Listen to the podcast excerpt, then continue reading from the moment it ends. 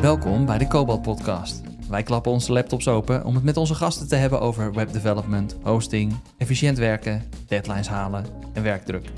Maar dit alles wel met een knipoog, want het moet ook leuk zijn. Oké, let's go. Hey, ehm, wij kennen elkaar van, eh, vanuit vele verschillende hoeken eigenlijk. Ja, Eh, heb je al ge- gezien wat er achter je hangt, of ik niet? heb het net gezien, ja. Super grappig. Ambitie. ja. Ja, nou, dat is eh, voor iedereen die luistert en, eh, en meekijkt. Dat is eh, een applicatie die wij hebben ontwikkeld als Cobalt.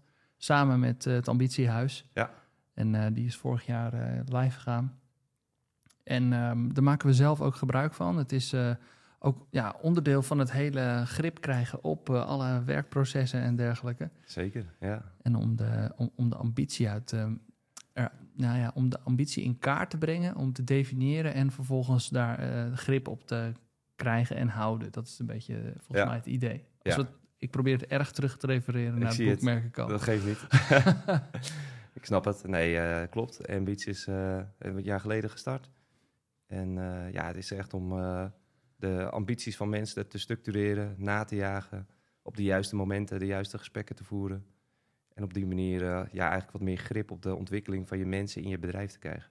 Ja. Dus als je dan toch wel op grip wil eh, relateren, dan eh, zou ik zeggen, ja, op die manier heb je meer grip op de ontwikkeling van je mensen in je bedrijf.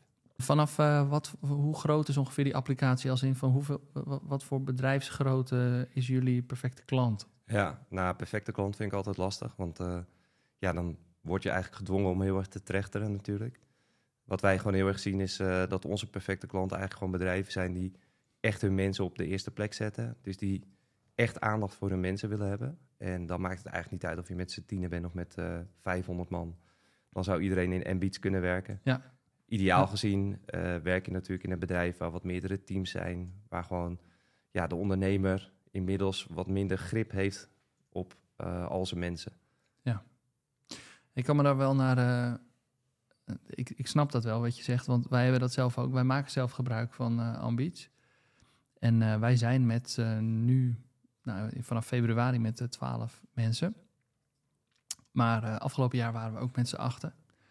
En ehm, ja, voor, voor, voor mijn gevoel kwam het een beetje te vroeg. En ehm, niet per se vanwege de applicatie of iets in de richting, maar meer binnen de organisatie om, om ervoor te zorgen dat je allemaal klaar bent om, om het over ambities te hebben en over eh, ontwikkelgesprekken, wat je dan precies daarmee gaat doen en dergelijke. En ik heb daar veel van geleerd, maar ik dacht tegelijkertijd ook, oh jee, ik moet zelf ook wel het goede voorbeeld geven. Ja, ja. En eh, misschien dat andere ondernemers die luisteren daar wel, eh, dat wel herkennen.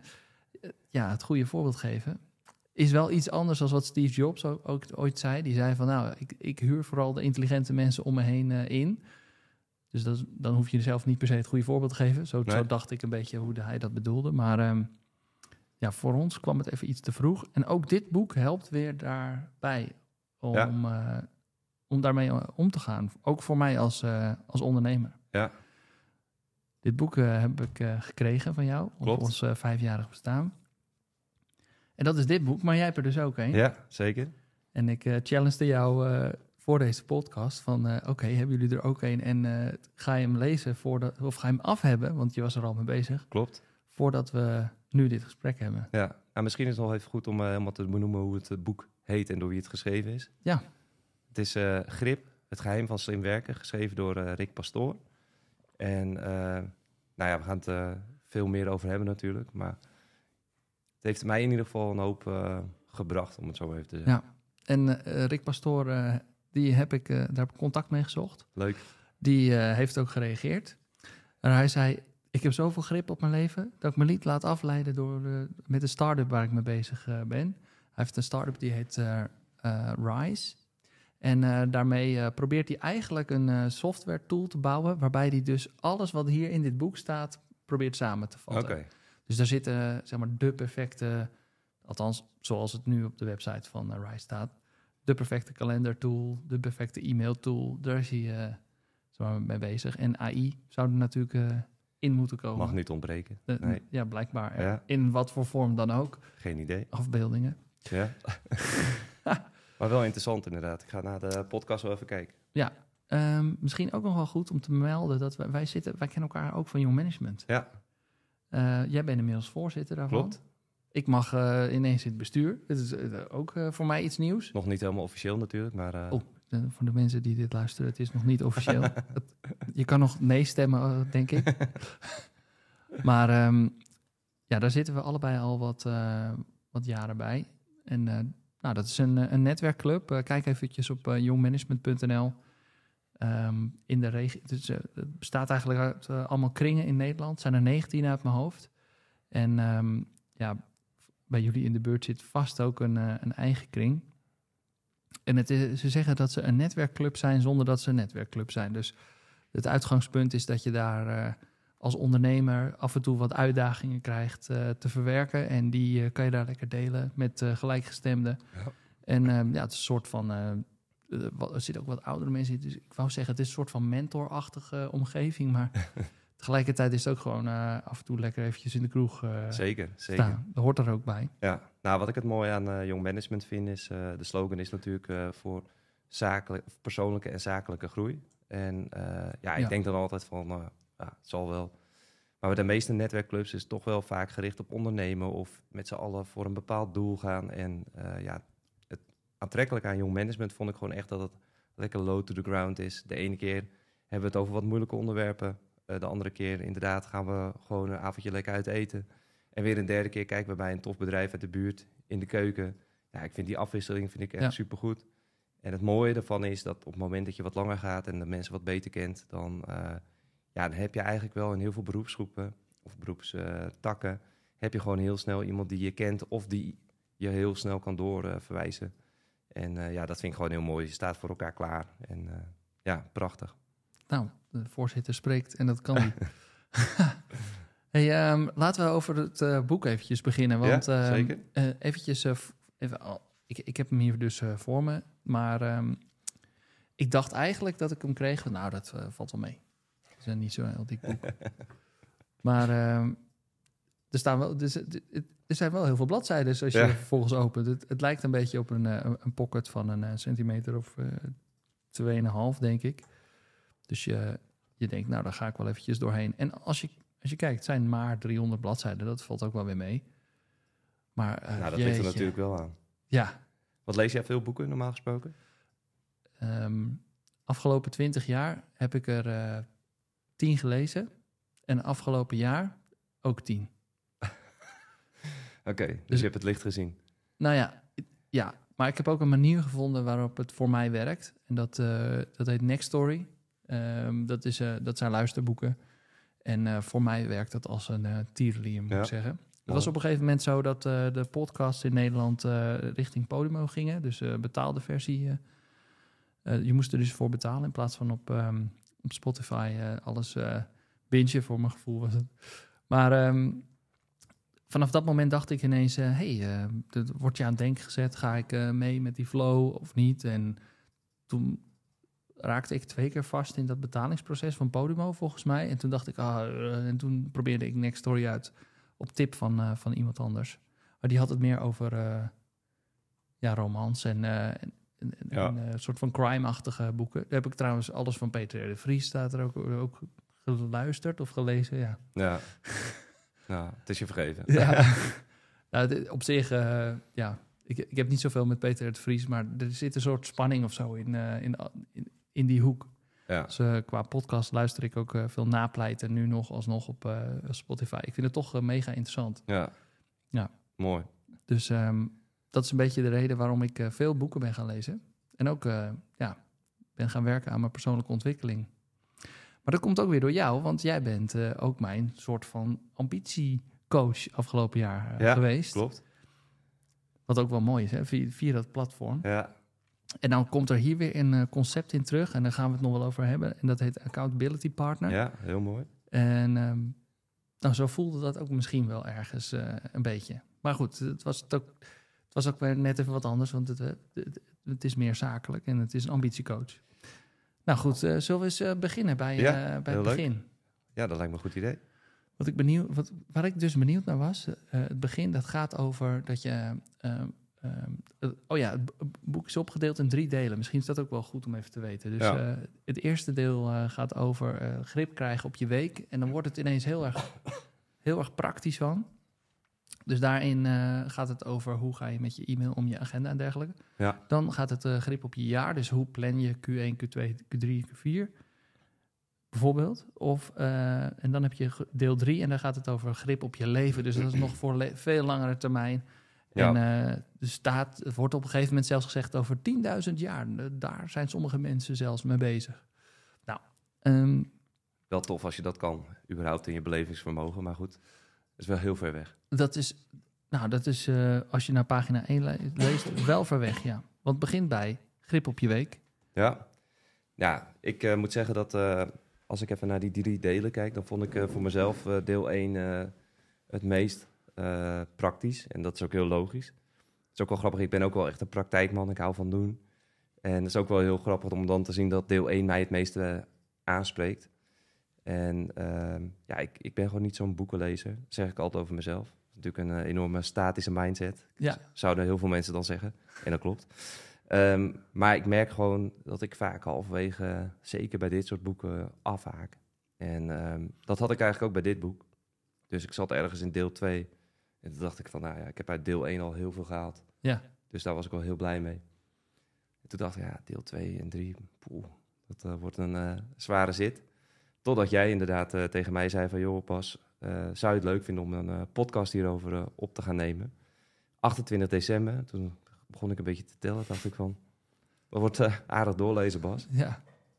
En ik zal heel eerlijk zijn, ik heb vandaag letterlijk de laatste pagina's eh, omgeslagen. Maar dan zit het dus nog vers eh, in Het je zit geheugen. zeker vers in mijn geheugen. En eh, ja, maar deel 1, ja, grip op je week. Het begint natuurlijk ook gewoon bij, joh, als je, als je wat wil veranderen, maakt niet uit waar het over gaat, hoe groot het is. Je moet altijd als eerste een hele kleine stap zetten. En in dit geval gaat het over grip op je tijd, grip op je, ja, hoe, hoe deel je dingen in, hoe kaart je bepaalde zaken af. En ja, ik vond zeker in deel 1, wat bestaat uit eh, je agenda, dingen die opploppen. Nou ja, jij bent ook ondernemer, je bent ook eh, creatief zoals ik je ken. Dus op een dag zijn er duizend ideeën. Ja. En ehm, je kan er nooit mee starten op dat moment. Dus ze zitten altijd in je hoofd. Alleen aan het eind van de dag kan je ze nooit meer alle duizend onthouden. Het is eh, zo, vaak zo bij mij dat het in de douche of zo oppompt, oppopt, die ideeën. Ja, Dat zijn, de, dat zijn de momenten waarin je denkt, oh ja. En dan, ja, dan is het natuurlijk best lastig om... eh, want het idee is dat je het dan wegschrijft hè, in een Klopt. soort second brain of eh, Ja. gewoon als notitie. ja, ja. Maar goed, eh, die, die, eerste, die eerste gedachte onder de douche, dat is lastig om die op je telefoon dan te typen. ja. Dus heb je nu een whiteboard in je douche hangen? Of, Nou ja, dat zou je bij... Nou, dan is hij gewoon de hele tijd wit, want ja... ze hebben vast wel eentje die onder, eh, onder water ook werkt. Nou, het, is wel een, eh, het, is wel een mooie gegeven in ieder geval. In ieder geval dat je er bewust van bent dat het op die manier werkt. Dat vond ik zelf wel eh, verfrissend. Ja. Maar zal ik je misschien vertellen hoe ik eh, bij dit boek ben gekomen? Want Oh, ik heb jou natuurlijk min of meer ja. aangezet door het boek aan jullie te geven. Ook met een knipoog natuurlijk, omdat af en toe wel eens... nou, ik ben bekend met jou en Arne en ja, jullie hebben het soms zo druk dat je gewoon ja, wat later reageert of iets dergelijks. Ja. En dacht ik van nou, ik herken dat helemaal, dus start met dit boek. En eh, ja, waarom ik graag ook wil vertellen waarom ik aan dit boek ben begonnen, is Ja. omdat bij mij ook één heel specifiek iemand eh, heeft mij ertoe aangezet om dit boek te starten. Meen je? Ja, en dat is eh, Henk-Jan Granaat van eh, Smit en de Wolf Accountancy in Den Haag. En wij waren daar om, om een presentatie over Ambiets eh, te geven. Zij zijn ook gestart met de Ambiets. En ehm, ja, wij raakten aan de praat en hij is ook al een aantal jaar ondernemer. En hij zegt ook van ja, ik, eh, tijd was voor mij echt een ding. Dus ik zeg, oh, eh, vertel er eens wat meer over. Nou, ik zal zijn verhaal natuurlijk eh, niet hier gaan vertellen, maar ik herkende heel veel Ja. dingen daarin. Ja. En hij, ik zeg, joh, ik herken dat helemaal. Ik loop er zelf ook tegenaan. Heel vaak ehm, denk ik afspraak, afspraak, afspraak. Oké, oké, oké. En vervolgens kijk ik naar mijn maandkalender en dan zie ik, mijn hele maand zit vol. Ik kan niks meer plannen in de weekenden. Ik kan niks meer door de week plannen. Ehm, ten eerste is dat voor mezelf niet goed. Maar mijn omgeving is daar natuurlijk ook niet altijd even blij mee. En toen zei hij, joh Bas, geloof me, ik heb hier een boek. Hij heeft het ook aan me gegeven. Ja. Ga dat boek lezen. Hij zegt, al hou er maar één of twee dingen uit. Ik weet zeker dat het je gaat helpen. En ik zei, ja, hetzelfde wat ik net vertelde. Van, joh, ik ben geen boekenlezer. En eigenlijk halverwege stop ik mee. Hij zegt, nou, dan moet je voor jezelf een structuur bedenken. Waardoor dat eigenlijk ja, waardoor je het zo indeelt dat je eigenlijk denkt van ja, dat is zo makkelijk, dat moet ik redden. En dat is eigenlijk heel gek, want dat is ook hoe wij bij het ambitiehuis kijken naar ontwikkelen. Hè, dat zeggen we ook hele kleine stappen en deel het zo in Ja. dat het eigenlijk niet kan mislukken. Maar met een boek vond ik dat opeens heel erg lastig. Dus wat hij vertelde is dat hij eigenlijk elke avond na het eten gewoon even de tijd nam om één hoofdstuk te lezen. Nou, het zijn geloof ik elf hoofdstukken. Spieken, ja, elf hoofdstukken. Ja, klopt. En Dus- bijlages. En bijlages. Nou zijn sommige hoofdstukken echt wel groot, maar ik dacht, één hoofdstuk per dag. Dat moet te doen zijn. Met een volle agenda. Dat bleek toch wel wat lastiger. Maar ik moet wel zeggen dat het wel, eh, er zitten echt dingen in die ik inmiddels ook heb eh, toegepast. En waarvan ik echt denk, ja, dat, dat helpt me echt. Ja. Zoals wat dan? Eh, nou, wa- wat je net eigenlijk zei, dus dat, dat brain dump. Hij, Pastoor schrijft in zijn boek dat hij een, een app gebruikt die heet Things. Ja. En ja, daar moet je voor betalen. Ik ben eigenlijk zo iemand die eigenlijk nooit betaalde apps wil gebruiken, omdat ik altijd denk van, nou ja, ik red het wel met, eh, met de gratis versie. Ja. Maar ik dacht, ja, dit is wel echt iets wat mij ook gaat helpen. Ik ben ook iemand die gewoon de hele dag door allerlei dingen ploppen erop. Ik moet dit nog niet vergeten. Of hey, ik heb hier een tof idee. Maar ik wil ook focus houden. Dus je wil ook bezig, of je wil ook afmaken waar je op dat moment mee bezig bent. Dus ik dacht, nou, weet je, die app, ik weet niet eens meer wat die kost, maar laat het tientje zijn, geen idee. Ik dacht, nou, laat ik het nou gewoon doen. En ehm, Ook investeren in jezelf. Dan, ja, hè? dat is ook investeren in jezelf. En, en in dat boek stond ook van, joh, oké, leg het boek nu even weg. En ga nu gewoon even een half uurtje nadenken. En alles wat er in je oplopt van vandaag, zet dat erin. En ik kwam geloof ik op iets van 26 dingen uit. En dat ik echt bij mezelf dacht, ja, wow, vind je het gek dat het zo druk is in mijn bovenkamer? Ja. Als ik 26 onafgemaakte dingen heb, ja, heel logisch dat je geen rust ervaart. Er zit natuurlijk nog een hele theorie achter hoe je dat verder moet gaan inrichten en zo. Maar mijn- mijn eerste stap was gewoon, joh, probeer nou eens gewoon al die dingen erin te, top. kwijt te zetten. En ik moet zeggen dat het echt heel opgeruimd voelt. Het boek die ik eh, gelezen heb, dat is eh, Building a Second Brain. Ehm, ik weet de auteur eventjes niet. Nu, ik heb hem al hier beneden liggen bij Cobalt overigens. Ehm, en dat is eigenlijk dit concept, maar dan uitgelegd eh, tot in mini, mini, minimale detailniveau. Oh, ja. En eh, dat is het sowieso, hè, dit boek dat leunt eigenlijk best wel op heel veel bestaande concepten. Dus eh, Getting Things, Things Done van eh, David Allen. Ja, Ehm, Building a Se- Second Brain heb ik langs zien komen. Over ehm, Atomic Habits heb ik gelezen. Dat komt hier ook weer in terug. ja Er zijn heel veel bestaande concepten. zeker. zeker. Maar het grappige is, do- doordat ik daar dan al bewust van ben, in ieder geval, ondanks dat ik ze zelf wel of niet gebruik, eh, voelt dit wel als een heel compleet boek, omdat het zo alles Mhm. zo samenvat. ja, en jij hebt dus Things nu eh, geïnstalleerd. het- ja, En ook op je telefoon? ja, zeker. Juist op mijn telefoon. Oh ja. En dat zingt mooi, dus. Nou, ik heb het dus niet op mijn computer. En dat is Oh. eigenlijk wel gek. Maar ja, ja ik merk, mijn telefoon is eh, zo'n beetje mijn leven. Alles zit daarin. Eh, ik denk dat dat niet eh, heel veel verschilt voor heel veel mensen op dit moment. Ja. Ehm, en ik vind het ook gewoon lekker om dat daarin te, te doen en te houden. Ja. Dus net, eh, het staat naast mijn WhatsApp-icoontje. Mijn meest gebruikte app. Eh, voor, ook voor velen, denk ik. Dus ik word er gewoon constant word ik eraan herinnerd van... hé, hey, let op. Ja. Ehm, heb je nog ideeën die je daarin weg wil schrijven? Heb je nog dingetjes waarvan je nu denkt... shit, mag ik niet vergeten? Oh, moet ik eigenlijk niet ge- gebruiken, dat woord. Eh, oh, Ehm, dus ja, ik vind dat gewoon heel fijn werken op mijn telefoon. En ja, ik zit er wel over na te denken om ook de desktop-versie wel te gaan doen.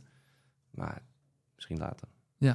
nou, ik, eh, ik gebruik zelf eh, Evernote. Oh ja, En ehm, nou, eh, helemaal prima. En ook op je telefoon. Die integratie is wel echt super lekker. En af en toe dan, ja, het, het lezen is misschien wat makkelijker of zo. Ik weet niet, op je desktop, ja. Met name die verschillende inboxes gebruik ik. Dus Ja. ik heb dat dan privé, maar ook voor een coachbal. Dat is een soort ander project wat ik doe. Werk natuurlijk. Nou, zo heb ik eigenlijk verschillende notitieblokken waar ik dan allerlei eh, zaken in wegschrijf. ja, Eentje daarvan is ook eh, alles wat ik genereer met eh, GPT-3 of op een of andere manier. Voelt als, oh, ik heb, nu, ik heb nu dit laten genereren. Dat mag ik nooit meer kwijtraken. Want het, het is iets unieks. Ja. Ik weet niet, ik plak alles daar ook in. oh, heerlijk. Maar ja, goed. Oké, dus dat is het gedeelte van een second brain. Hè? Maar er staat als eerste, je agenda is heilig. Dat is eh, hoofdstuk 1. Ja. Het gaat erover dat je je agenda moet gebruiken, maar ook dat je hem eh, zeg maar heilig moet maken. Dus dat het je nummer één eh, go-to eh, zaak is. En het, wat, wat me trouwens ook opviel, als je dus een boek gaat luisteren, besefte me ik eigenlijk pas bij het doorbladeren van, eh, van het echte eh, boek, het fysieke boek, is dat je ineens allemaal plaatjes erbij hebt. Ja. En eh, als je luistert, dan heb je dat in je hoofd eh, gemaakt. Dat is natuurlijk wel een bekend concept. Alleen die drie traps raket waar ze het over hadden, die staat hier gewoon echt als een raketje ook eh, getekend. Ja, zeker. En ehm, oh ja, dat Eisenhower-principe moeten we ook nog even over hebben trouwens. Nou goed, het idee van, ehm, eh, van je agenda is heilig gaat er volgens mij als volgt over. En correct me if I'm wrong. Je agenda is heilig. Daar komt alles in te staan wat je echt gaat doen. Dan heb je daarna eh, je to-do-list en daarna je e-mail. Ja. En ehm, dat betekent, even heel concreet ook, dat je eh, eigenlijk alles wat je in je agenda zet, dat zou je ook moeten doen. En als je er niet aan toegekomen bent, moet je dat weer vooruitschuiven. Eh, je agenda kun je ook gebruiken om zaken te blokken die je in je to-do-list of in je e-mail hebt staan. Dus e-mail checken schijnt al iets, dat, heb, dat heb ik nog niet gedaan. Heb jij dat gedaan? In je agenda iets gezet van ik moet e-mail lezen? Ehm, nee, Ehm, maar tegelijkertijd heb ik sowieso al een haat-liefde verhouding met e-mail al heel lang. Ja, Dat weten mijn eh, compagnons ook. Ik zeg eigenlijk, ook eigenlijk altijd, joh, in je e-mail mag nooit een actie staan. Je mag nooit door middel van een e-mail intern van iemand verwachten dat diegene iets gaat doen. Wij werken met MS Teams, wij Ja. werken met tasks, we hebben een planboard en we hebben HubSpot voor onze klantacties. Dat zijn de plekken waarin wij elkaar aanzetten om iets te doen. En e-mail is echt voor klantcontact. Want inderdaad, de hoeveelheid e-mail is zo gigantisch groot dat je soms gewoon niet makkelijk kunt filteren, waardoor het heel onoverzichtelijk wordt. Ja. Want soms zie je een mailtje en ja, bijvoorbeeld in mijn geval heeft ook met mij te maken. Ik heb nogal een korte spanningsboog.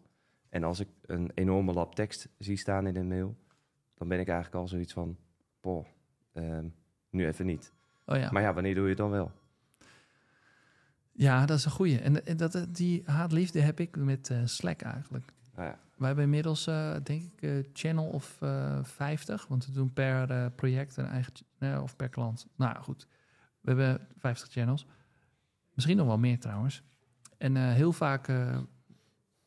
dan word ik, nou denk ik op een dag, zo'n 15... eh, in 15 channels komt mijn naam langs. Dan moet ik er iets van vinden of ik word ge. Ja. En het moment dat ik eventjes kan kijken, bijvoorbeeld eh, tussen het werk door, dan, ga ik, dan sta ik bij de koffiemachine en dan ben ik ze aan het bekijken. En dan- maar terwijl ik ze bekijk, kan ik er op dat moment niks mee, maar ze staan wel allemaal als gelezen. Ja, En vervolgens eh, ga ik achter mijn werkplek zitten en dan open ik daar ook Slack. En dan weet ik niet meer in welke channels nu precies wat gedaan.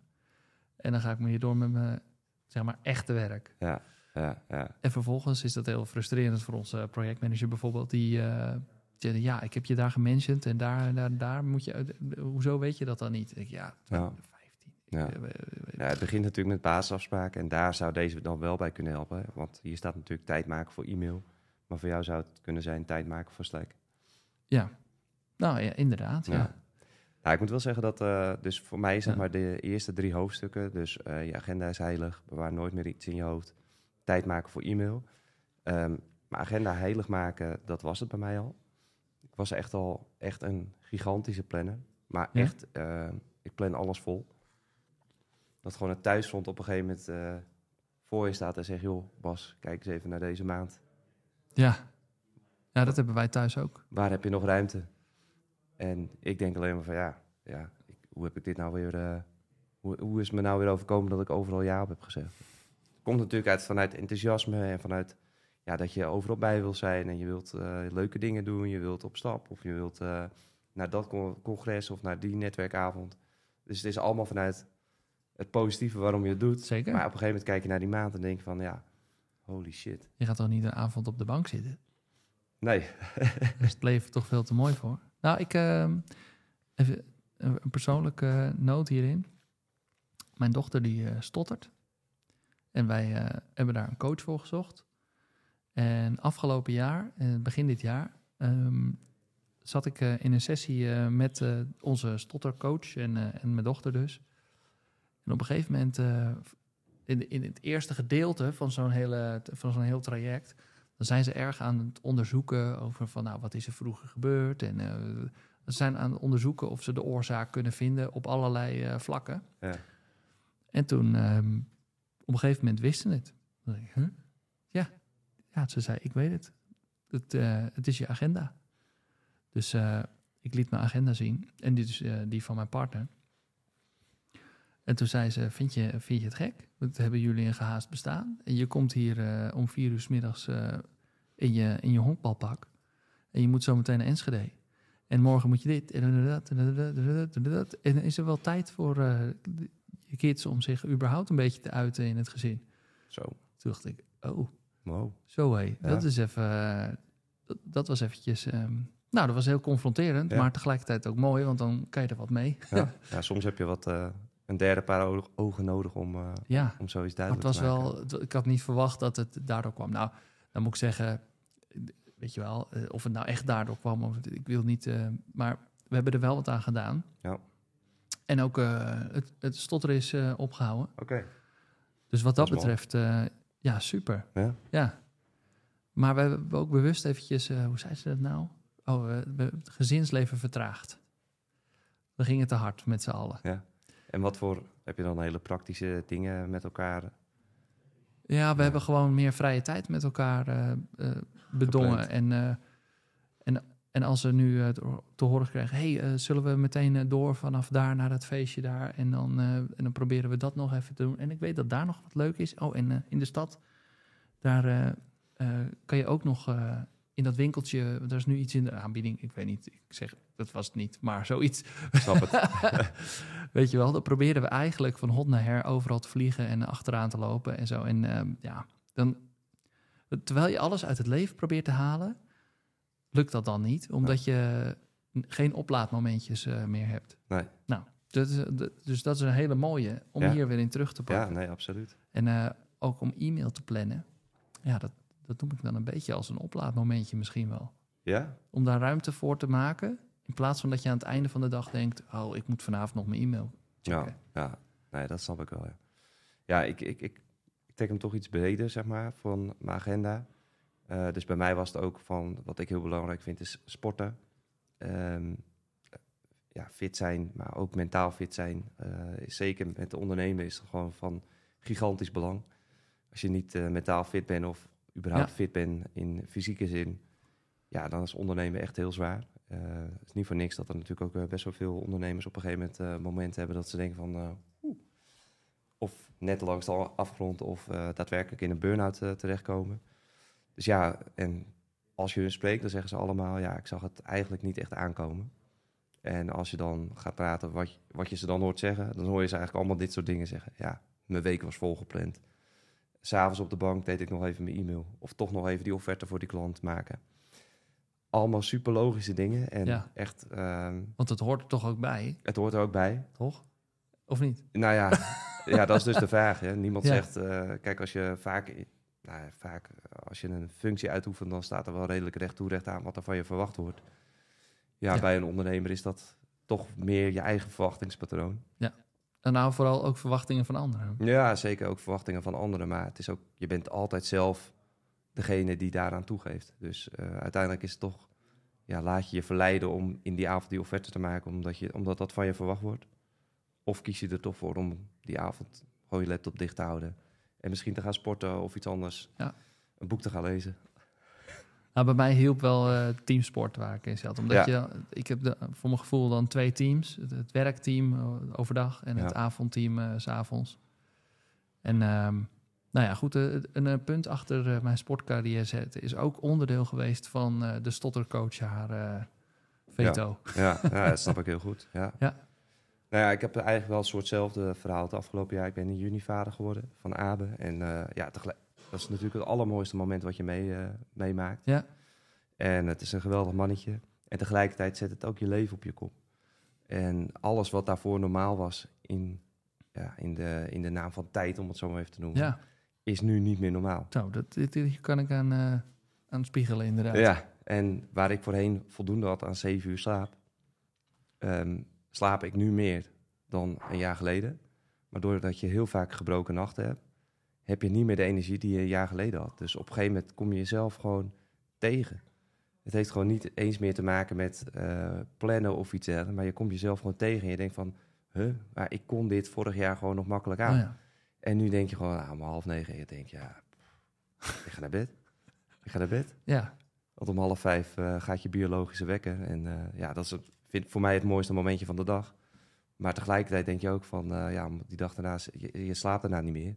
Word je wakker en denk je, oh, Half vijf, zei je? ja, 0430. Ja, weet je, dat, is, ja, ja. dat, ja, dat is dat, vroeger. dat is echt een vroeger, ja. Ja. Ja, en je bent natuurlijk altijd even een half uurtje, misschien drie kwartier bezig. En eh, ja, dan is het al kwart over vijf, half zes. Mijn wekker gaat meestal tussen half zeven, zeven uur. Oh ja, Ja, nog een uurtje. Ja, ik val niet meer in slaap. dat Dan lijkt me ook niet. ja. Dit inmiddels aan. Dan gaat je second dan- brain eh, alweer spinnen. Ja, wel, wel heel effectief, maar eh, ja, niet goed voor je. Heb jij nu met de geboorte van Aba ook ge- ge- gemerkt en gehad dat je ook bij andere mensen merkt, dat had ik namelijk zelf, eh, van hey, goh, eh, jij verdoet mijn tijd nu wel eigenlijk een beetje, want jouw snelheid van leven is nu niet meer hetzelfde als die van mij, want ik heb er toch een andere kijk ineens op. Dat je anders ook tegen andere relaties aan kijkt, collega's of vrienden. Nou, het is wel voor mij een moment geweest waarop ik dacht van... zo, eh, ik begrijp opeens heel veel mensen veel beter. Oh ja? Ja, het is toch iets, iets wonderlijks. En eh, ik had me, dacht ik, heel goed op voorbereid. Van oké, nou, het gaat allemaal anders worden. En ja, uiteindelijk kan je het gewoon niet voorstellen. Het is gewoon echt anders. Ja. En ehm, ja, waar ik vroeger, om het zo even te zeggen, nog wel eens dacht van... eh, joh, kom op, gebroken nachten. Huh? Ja. Zet even, even een beetje, een beetje extra. En eh, ja, denk nu wel van, ja, nee, weet je, het is gewoon ook gewoon een langere periode, constant dat ene momentje, wat je uiteindelijk gewoon toch een beetje opbreekt. En dan ga je dingen laten vallen. In mijn geval was het sport, dus ik liet mijn sporten vallen. En ik heb dan de lelijke gewoonte dat op het moment dat ik minder sport, dat ik ook nog slechter ga eten. Oh ja. Nou, dat is natuurlijk gewoon een, eh, En, en dus niet goed slapen. Ja, Nee, dat zijn. eh, een garantie voor een ongezond, ongezond leven. Ja. En daarom moet ik ook zeggen dat dit boek ook wel weer goed kwam. eh, omdat dat je ook wel weer doet beseffen, ja, je kan wel thuis gaan zitten en denken van, nou, nou, slapen wil niet, het sporten wil niet, dus ik ga maar slechter eten. Maar je kan ook denken, ja, de enige die dat patroon weer kan veranderen, dat ben je zelf. Ja. En ik moet zeggen dat ergens heeft dat boek daar wel bij geholpen door weer, je agenda is heilig, om echt momenten in te gaan plannen voor het sporten, eh, maar ook voor thuis eh, nieuwe regels met elkaar gemaakt van hoe gaan we nou met die agenda om. Want ja, je doet ook maar wat. En op een gegeven moment kom je erachter van ja, is dit nou hoe we met elkaar om willen gaan? Ja, ik merkte ook, eh, want je, je zegt nu januari, december. Eh, ja, we zitten nu op een, op een moment dat we nog voor het nieuwe jaar zijn. Ja. Eh, als je dit luistert, dan is het al nieuw jaar. Ehm, en het gaat in deel 2 wel over een jaar plan maken. En dan geeft die, eh, eh, die Rick Pastoor, die geeft dus aan van... nou, het kan inderdaad, voor mezelf werkt het het beste tussen kerst en oud en nieuw. Maar er zijn ook mensen die, we, die doen dat eh, tijdens de zomervakantie. Of dat maakt ook eigenlijk niet zoveel uit. Maar het is een moment waarbij je eventjes uittuned. Even van een afstandje kijkt en dan weer erop ingaat. Ja, Hey, eventjes even nog even terug op bouw een vangnet onder je week. Ja. Kijk, en daar ga ik dus eh de. Bietenbrug op. maar, ja. Ja, want die eerst, ik, mijn e-mail eh, op orde. Ja, kalender op orde. Maar bouw een vangnet onder je week. Dat voelt altijd bij mij aan het einde van de week ben ik zo aan het rushen en eh, alles aan de, op tijd aan het af aan het krijgen. En nog even dit en nog even dat. En dan heb ik in ieder geval niet aan het einde van mijn week staan. Neem alle tijd nog Ja. even voor je ja, agenda en je kalender. Nee, dat staat bij mij van, oh, je, dit is je deadline, nu en go naar huis. Of naar iets anders. ja.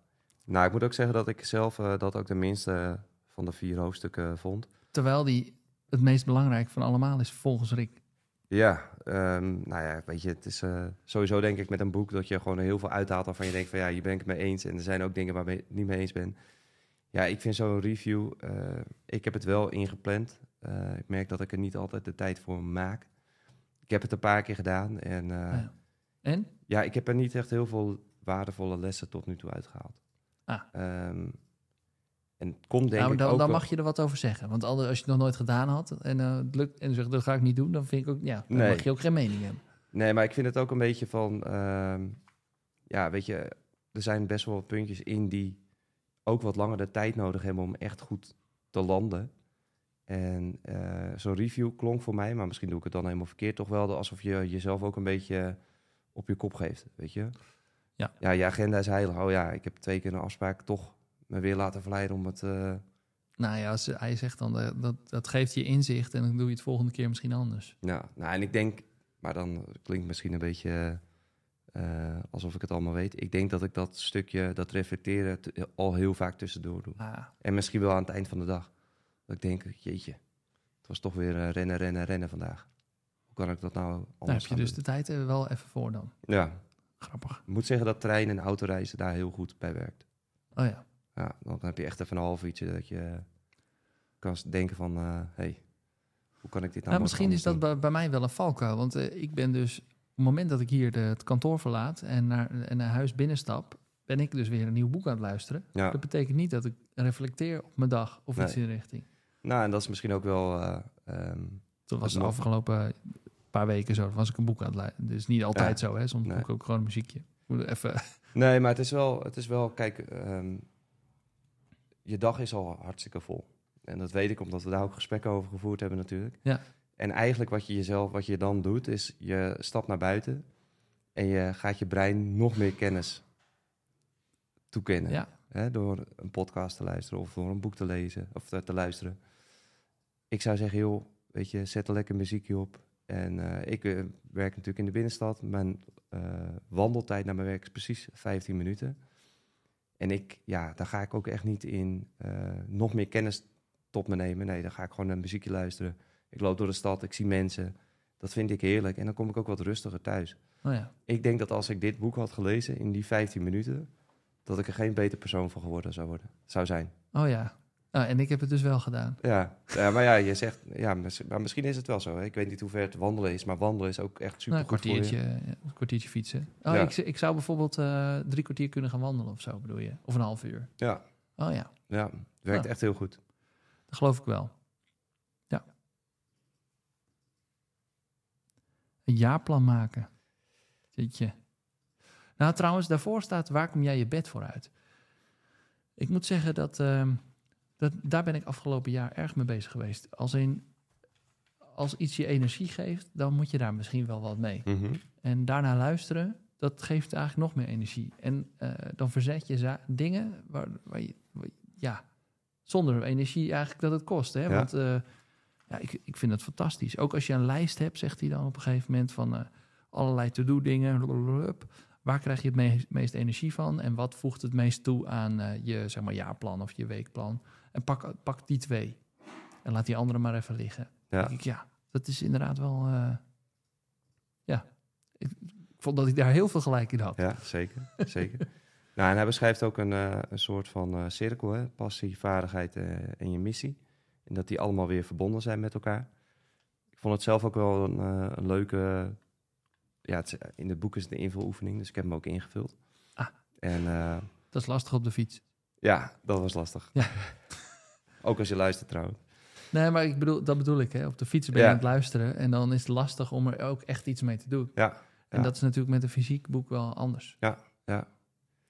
Maar ja, goed. eh, ik denk ook dat luisteren wel weer heel veel voordelen heeft. Omdat je toch ook op eh, plekken kunt doen eh, dat je misschien weer niet Ja. je boek bij de hand hebt. Ehm, maar wat ik ja, hier ook wel bij vond is... ja, wij zijn vanuit Ambitiehuis zijn we ook met zo'n ambitieplan. Is eigenlijk ook een jaarplan. Is eigenlijk je persoonlijke jaarplan. Alleen dan gericht op je persoonlijke ontwikkeling. Maar daar kan je natuurlijk alles aan ophangen. Ehm, dus vanuit daar eh, heb ik ook toevallig eh, half december nog een, eh, een workshop gegeven in Alkmaar bij Kate. En daar gingen we eigenlijk ook dat doen. Dat waren 14 ZZP'ers, vrouwelijke ZZP'ers. En ehm, ja, die, ga, die hebben ook gewoon een jaarplan gemaakt op één A4'tje. Wat goed. En dat begint gewoon bij van, joh, even terugkijken naar het afgelopen jaar. Welke lessen neem je mee? Wat wil je anders doen in het aankomende jaar? Heel belangrijk. En als je die twee gaat bekijken, dan kom je eigenlijk al heel snel bij, joh, wat zijn nou mijn plannen, doelen, ambities, geef het een naam. Eh, voor iedereen heeft het een eigen waarde voor het aankomende jaar. En vervolgens kan je dat jaarplan natuurlijk weer opdelen en in kleine acties Q1, uitzetten. Q2, Q3, Ja. Q4. Ja. En het grappige is dat eh, ja, bij mij eh, bijvoorbeeld wat vind ik belangrijk? Nou ja, familie en vrienden. Eh, wat vind ik leuk? Nieuwe initiatieven. Maar ook gezelligheid vind ik superleuk. Eh maar ook wel van 0 naar 100 gaan. Dus ik heb geen... Ja, hoe zeg dat? Ik kan moeilijk geduldig zijn en denken van... Oké, ja, oké, plannen uitwerken. Blijven uitwerken, blijven uitwerken, blijven uitwerken. Nee, bij mij is wel... Oké, plan, gaan. En along the way gaan we wel kijken van... Oh gaan we naar links Ja. of naar rechts? Dat doen we ook met deze podcast eigenlijk. Ja, hè? fantastisch. Eh, gaat hartstikke goed, toch? Eh nee, ja, dus, dus ik merk er gewoon dat hij hierbij zijn jaarplan en hoe hij ernaar kijkt, ehm, word je ook wel door die vragen een beetje eh, een richting ingeduwd. Waardoor je eigenlijk vergeet om er nog één stap uit te, te, te zetten. En dat schrijft hij wel weg in de tekst, maar niet in de oefening. Aha, Want als ik dit allemaal zou doen, hè, dus als ik mijn missie, mijn passie en mijn vaardigheid leidend daarin zou maken, dan denk ik dat, het, dat ik weer een heel druk bestaan ga hebben. ja, ja, ja. En wat, wat, hoe heet dat dan? Wat, wat missen we dan? Nou ja, wat ik denk dat je als je hier iets uit zou willen halen, hè, dus eh, dit is, nou ja, wat vind ik belangrijk, wat vind ik leuk, wat, vind, wat kan ik goed. Ehm, maar kan je, als je even eruit gaat stappen, voor mij zou het dit jaar zijn, ja, ik ben echt op zoek naar balans in mijn tijd. Ja. En als ik hier naar kijk, wat vind ik belangrijk? Ja, ik vind dit allemaal belangrijk. Dus als ik hier al mijn tijd aan ga besteden, dan ga je ergens dingen weer laten liggen. Dus dan raak je vanzelf weer uit balans. Zou je dan dingen moeten schrappen eigenlijk? Ja, dat is, dus dat is volgens mij ook wel een oefening hoor. Dat hij op een gegeven moment zegt van joh, ja, eh, haal wel dingen eruit of, of eh, maak het kleiner. Eh, maar tegelijkertijd vind ik ook zo'n lijstje wel overzichtelijk en wel lekker dat het uit je hoofd is. En tegelijkertijd denk ik, ja, hier staat dus juist precies waarom het zo druk is. Ja. Want ik vind alles leuk en ik vind alles belangrijk. Het is eh, weer jong management, zit ik nu te denken. Het is weer zakelijk en privé in balans eh, ja, brengen. nou, dat is het ook absoluut. Dat Ja. is de, we hebben het net gehad over een jaarplan maken. Ja. Ehm, een wekelijkse sessie met je accountability partner. Dat heb jij nog nooit gedaan? Nee. Of wel? Nou ja, niet eh, met eh, hoe hier in het boek beschreven wordt. Wat me vooral eh, opviel is dat het twee uur per week duurt. Dat vond ik echt veel tijd. Ehm, maar als je Die terugkijkt, sessie duurt twee uur per week? ik, ja, review plus partner, als je dat bij elkaar optelde, dan kostte Ah. dat gewoon twee uur per week. Ja. Ik vind dat veel tijd. Ehm, wat ik wel deed was één keer in de maand bijvoorbeeld met Lieke Danenberg, jou ook bekend, Ja. afspreken. En ehm, ja, dan hadden we het ook eigenlijk gewoon over alles wat er gebeurde. Maar het was niet volgens een vast format en was ook niet echt eh, dat we elkaar nou eh, heel accountable hielden voor eh, wat we deden. Ja. Maar soms is het gewoon lekker om met iemand eh, die wat verder van jezelf, althans van je onderneming afstaat, even, even te kijken van Ja. hey, hoe zit je erin? En ik ga het in 2023 overigens wel anders doen. Ik ga echt met een coach aan de slag. Nice. Ja, we, we, we roepen dat zelf als ambitiehuis, joh. Zoek een derde die die gesprekken met je doet, omdat het toch meer uitkomt, omdat mensen minder vooroordelen hebben, minder eh, eh, belang hebben bij eh, wat je zegt. En ehm, ja, ik merk gewoon dat, dat je, als je patronen wil doorbreken, dan heb je soms gewoon even net even een handje nodig eh, van, de, van de buitenwereld. En eh, ja, na een zoektocht denk ik dat ik eh, uiteindelijk iemand gevonden heb die dat eh, voor mij kan gaan doen. Is het dan een mentor of is het een coach? Of wat, wat, eh, hoe zie je dat? Ja, ik vind dat eh, lastig. Voor mij heeft het echt te maken met, eh, met, ja, de, ehm, met het ondernemerschap als competentie. En ja, dat is zo breed als je maar kan, kan grijpen natuurlijk. Want Ja. ja, als je daarover gaat nadenken welke competenties er onder ondernemerschap hangen, ja, dan heb je zo een enorme lijst. Dus je moet ook kiezen natuurlijk. En voor mij is het wel om vanuit strategie nog beter op koers te blijven. Hè, dus we zijn doeners. Ik Ja. denk dat jij ook echt een doener bent. Ja, En doordat je zoveel doet, vergeet je soms wel eens even weer terug te kijken naar het grote plan. Van hé, hey, staan we er nou nog wel goed toe- voor? Zijn, we links, Ja. zijn, we, zijn we links afgegaan en zijn we daar blij mee? Ehm, en ik, ja, dus daarin denk ik dat eh, dat voor mij nog een mooie les eh, te leren is. En eh, wat moois te halen valt. En in dit boek eh, begreep ik ook dat dat je familieleden hebben die zijn altijd kritisch, maar die eh, kennen je niet per se zakelijk. Nee. Ehm, en die zijn het ook wel vaak met je eens, maar die kennen jouw ja, je, je werkproblemen niet echt. Dan heb je natuurlijk collega's of coaches die dan eigenlijk vooral op werk zitten, maar misschien duurt het af en toe nog eventjes wat langer om ze te leren kennen. En dan heb je een mentor en die, die kent jou en die weet ook eh, hoe het eh, rijlen en zeilen op de werkvloer gaat. Dat is een beetje het idee. Maar ja, goed, als je natuurlijk met een coach aan de slag gaat en hij leert jou wel kennen. Want jij zei al, het duurde wel iets langer voordat ik er iemand gevonden had. Dat heeft waarschijnlijk daarmee te maken dat je, dat je wel echt een goede fit met iemand eh, ook moet hebben. Ja. Of het nou strategisch, zakelijk is of... nou ja. Nou, wat denk ik ook eh, belangrijk is, is dat je van tevoren goed gaat nadenken. Wat wil je er zelf uithalen? Dat is eigenlijk het eerste. En ten tweede dat je ook heel goed weet eh, waar je eigen valkuilen liggen. En ehm, ja, ik denk dat de meeste ondernemers ook heel eigenwijs zijn. En ik denk dat het een hele goede eigenschap is. Oh ja, dat wel, ja. ja. Ik denk dat het een hele goede eigenschap is in 99% van de gevallen. Alleen kan je ook in de weg zitten. En ja, ja ik moet het gevoel hebben bij iemand die tegenover me zit... dat die eh, even ook af en toe best wel de klootzak mag uithangen Ja. richting mij. Ja. En me de spreekwoordelijke schop onder mijn hol eh, de Ja. goede richting eh, ingeeft. Maar niet de richting gaat bepalen. Want als iemand voor mij de richting niet, gaat nee. bepalen, dan, ja, dan haak ik af. Nee, nou, er is niemand die je richting voor iemand anders kan bepalen, toch? Ik bedoel, nee, dat is dat is, niet, dat is waar. Alleen, dan wordt het eh, niet je eigen nee, dat- authentieke... Dat nee. klopt. Alleen ik denk wel dat je heel vaak eh, mensen tegenkomt die een bepaalde format aanhouden of die een bepaalde Ja. werkwijze hebben. Ja, dat, dat fit minder bij mij. Ja. Ja. Ik heb ooit een mentor gesproken die zei... eh, ik vind het heel leuk om te mentoren. Alleen ze doen uiteindelijk nooit wat ik zeg. Ja. Nou, dan ben je geen goede mentor. ik vond dat wel mooi. En ook wel weer eerlijk. Ja. Dus hij was ermee opgehouden. Er zijn twee dingen waar ik even op terug wil komen. Er stond eh, één ding over strategisch leren denken. En dat is iets wat ik eh, afgelopen jaar best wel heb gedaan met Cobalt ook. Dus eh, over het opstarten van deze podcast.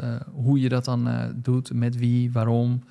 ehm, wat, wat stukken daarvoor, hoe je dat zou kunnen uitrollen naar voren. Dat heb ik allemaal niet eh, zomaar in één keer bedacht. Dat, dat, eh, ik merkte ook dat hoe langer en hoe vaker je daarover nadacht... en ook je second brain gebruikte... dan kwam je niet elke keer op dezelfde ideeën... maar dan eh, kon je daar dus op voortborduren. Mhm. Dat werkte echt supergoed. Voor mij in ieder geval. ja. Dus mooi. daar, daar zag ik dat strategisch leren denken wat in terugkomen, moet ik zeggen. Ja, mooi. Ja, ik moet ook zeggen dat ik vond deel 3 ook het minst eh, praktisch, maar tegelijkertijd ook wel weer heel logisch. En ik denk ook dat het komt omdat ik eh, in deel 1 en 2 nog heel veel te leren heb. Dus Ja. als je gaat eh, kijken naar waar we het er net eh, over gehad hebben, het grip op je week, je agenda is heilig, bewaar nooit meer iets in je hoofd, e-mail. Ja, weet je, daar zitten nog zoveel lessen in, dat eigenlijk deel 3, waar je eigenlijk vanuit deel 1 en 2 nog meer gaat kijken van hey, hoe wil ik eigenlijk mijn leven De indelen bigger picture, ja. de bigger picture, waar, waar ga ik eigenlijk naartoe? Ehm, dat dat best wel lastig is in, eh, in hoe het hier omschreven staat. Dus ik denk wel dat je vanuit je persoonlijke visie al heel ver komt. Alleen dit is even, nog even een niveautje groter. Ja, daar moet je ook net even voor openstaan. Ik denk dat het ook heel tijdsgebonden is. Wanneer lees je dit? We lezen dit nu aan het eind van het jaar. Drukke periode. Ehm, misschien als je dit in de zomer, terwijl je op een strandje ligt, leest, dat je denkt van, ja, Ja. ik heb hier nu de tijd en ruimte voor om echt over na te denken. Maar verder stonden er daar, vond ik gewoon heel veel dingen in die al best wel, ja, best wel eh, logisch zijn en die ook best wel vaak eh, al gebeuren. Weet je wel, klein, in kleine stapjes gedrag veranderen, et cetera. Ja, dat zijn natuurlijk allemaal geen Ja. hele schokkende nieuwe theorieën die Ja, erin staan. Ik vond wel iets eh, leuks, namelijk wat je zelf zei, waarvan ik dacht, hey, heb jij het boek eh, op dat punt wel gelezen? Het ging namelijk over, als je zelf zegt, ik ben geen lezer, maar wel een boek leest, dan ben je toch eigenlijk wel een lezer? Ja. En dat is ook wat hij aangeeft, van ja, je kan wel jezelf eh, eh, voorhouden van dat je dingen niet kan of zo, of dat je nooit een opgeruimd persoon bent. Maar als je het nou die ene keer doet, voor die dag, dan ben je een opgeruimd persoon. Ja. Dag twee, dan ben je, weet je wel. Zeker, Zo, zeker. Zo, zo vind ik jou dus niet geen lezer. Nee. nou ja, mooi. Ja. nee, ja, dat klopt hoor. En ik- ja, ik sta zelf ook helemaal achter die theorie dat als je het wil doen, dan zul je e- echt moeten beginnen met een hele kleine stap. Ja. Alleen het volhouden is natuurlijk een tweede. En eh, ja, daarin merk je, maar dan komen we toch weer een beetje in deel 1, dat in de waan van de dag, met alle drukte die er speelt, Ja, dat mooi. je dan als eerst dat Die soort waan van de dingetjes... dag. Ja. Niemand weet wat het is, maar iedereen weet waar je het over hebt. Ja, en je- je mag die ook altijd de schuld geven, toch? Ja, vind ik wel. Ja. Ja. Hey, wat eh, nou als dit boek andersom was geschreven, dat het begonnen was met deel 3?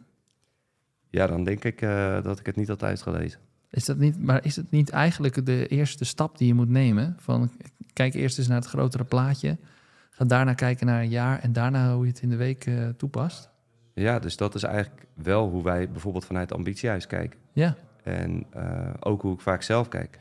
Alleen, ehm, hij heeft er hier best wel veel theorie in geprobeerd Alles? Te, te doen. en dan denk ik van ja, weet je, dan is die opbouw nu. Dus deel 1 is echt... Deel 1 is het stuk waar ze mij hadden. Dat ik dacht, Ja. ja, dit hier... ja, maar dat komt omdat je het morgen kan toepassen. Precies. Ja. Precies. En ik denk dus dat ik deel 3 al best wel... Ja, best wel ehm, in beeld heb. Dat ik al Ah. best wel goed weet welke kant ik op ga... en wat ik belangrijk vind, eh, hoe ik mezelf beter kan maken. Eh, wat ik net zei, van Ja. ja, ik, ik merk dat ik een bepaalde ding, dat ik een volgende stap wil maken. Ja, dat hoort echt bij grip op je leven, denk ik. Alleen in de week verzandt het bij mij in duizend dingen die opploppen en die je wil gaan doen.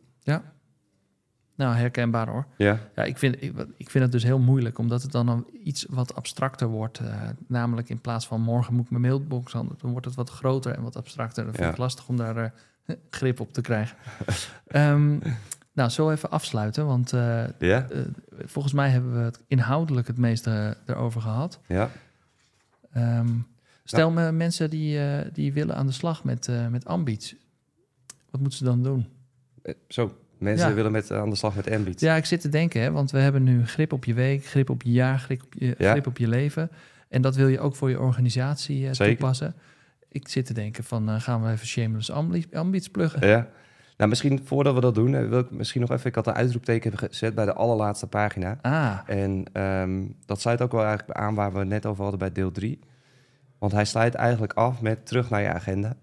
Dus echt even Ja? een stukje voorlezen, toch? ja, zeker. Wat voor ambitie je ook hebt, beginnen met je weekplanning en je agenda gaat je helpen je plannen te realiseren. Ik geloof erin dat we grootste dingen kunnen verrichten als we de basis van ons werk op orde hebben. Want alleen zo hou je ruimte over om na te denken. En zelfs die allergrootste dingen zijn uiteindelijk, als je op detailniveau kijkt, gewoon werk. Nou, dat stuk, hè, dat stukje geloof, en dus als je iets groots wil veranderen, dan zul je klein moeten beginnen. Ja. Nou, daar sta ik echt 100% achter. En toen dacht ik van, ja, dus ik had eigenlijk drie hoofdstukken in deel drie gelezen. Dat ik dacht van ja, oké, dit vind ik eigenlijk wat minder ehm, aantrekkelijk om te lezen, laat ik het zo even zeggen. Ja. En hier met die laatste alinea denk ik van, hé, je pakt hem nou wel weer fantastisch terug. Dus ik moet zeggen dat dat einde heeft me echt eh, gepakt.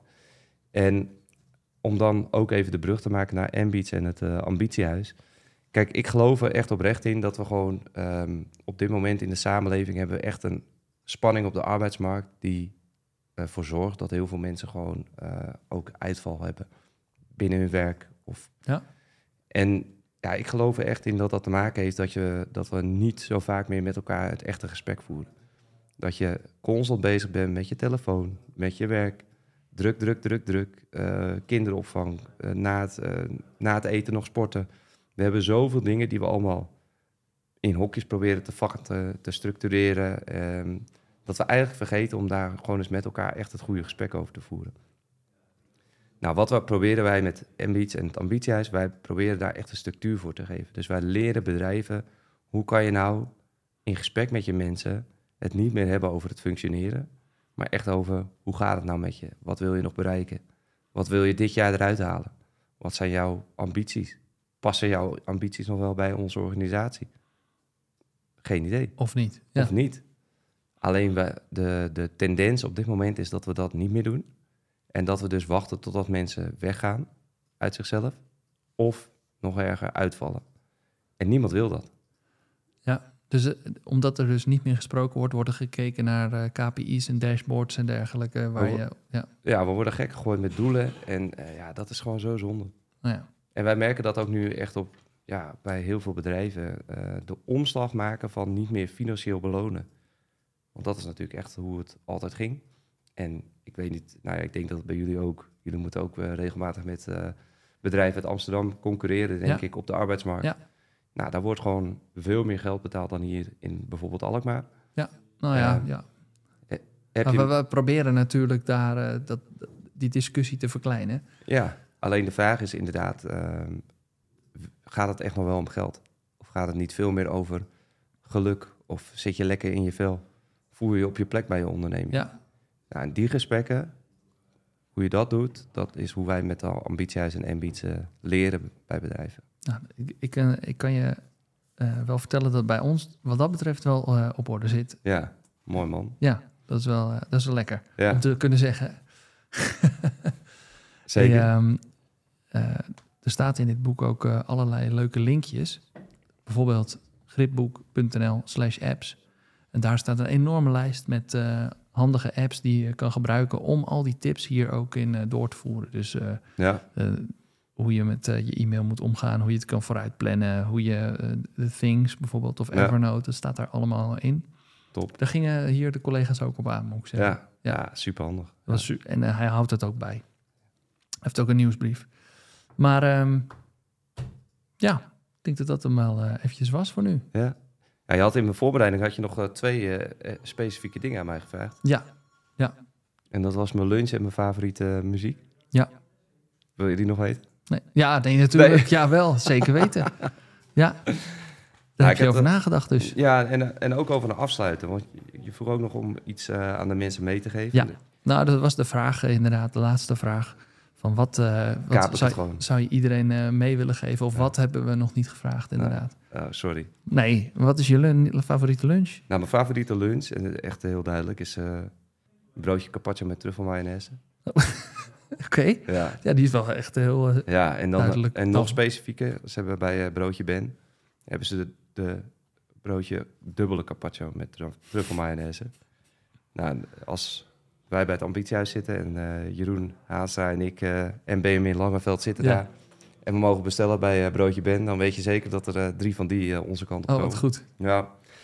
En qua muziek, ja, ehm, ik denk qua muziek weten mensen ook, ik ben een hele brede muziekliefhebber. liefhebber. het is bij mij niet te vatten in één woord. Ja, Dus wat ik wilde doen, is ik wilde delen wat mijn drie afspeellijsten nu op dit moment in Spotify zijn, die afgelopen tijd het meest geluisterd heb. En oh, de, de lijsten ook, eh, ja. ja, en dan Oké. zul je ook be- beseffen hoe breed het is. Ja. Want op nummer 1 staat eh, bekendste klassieke muziek. Oké. Op nummer En 2 wa- staat... wanneer luister je dat?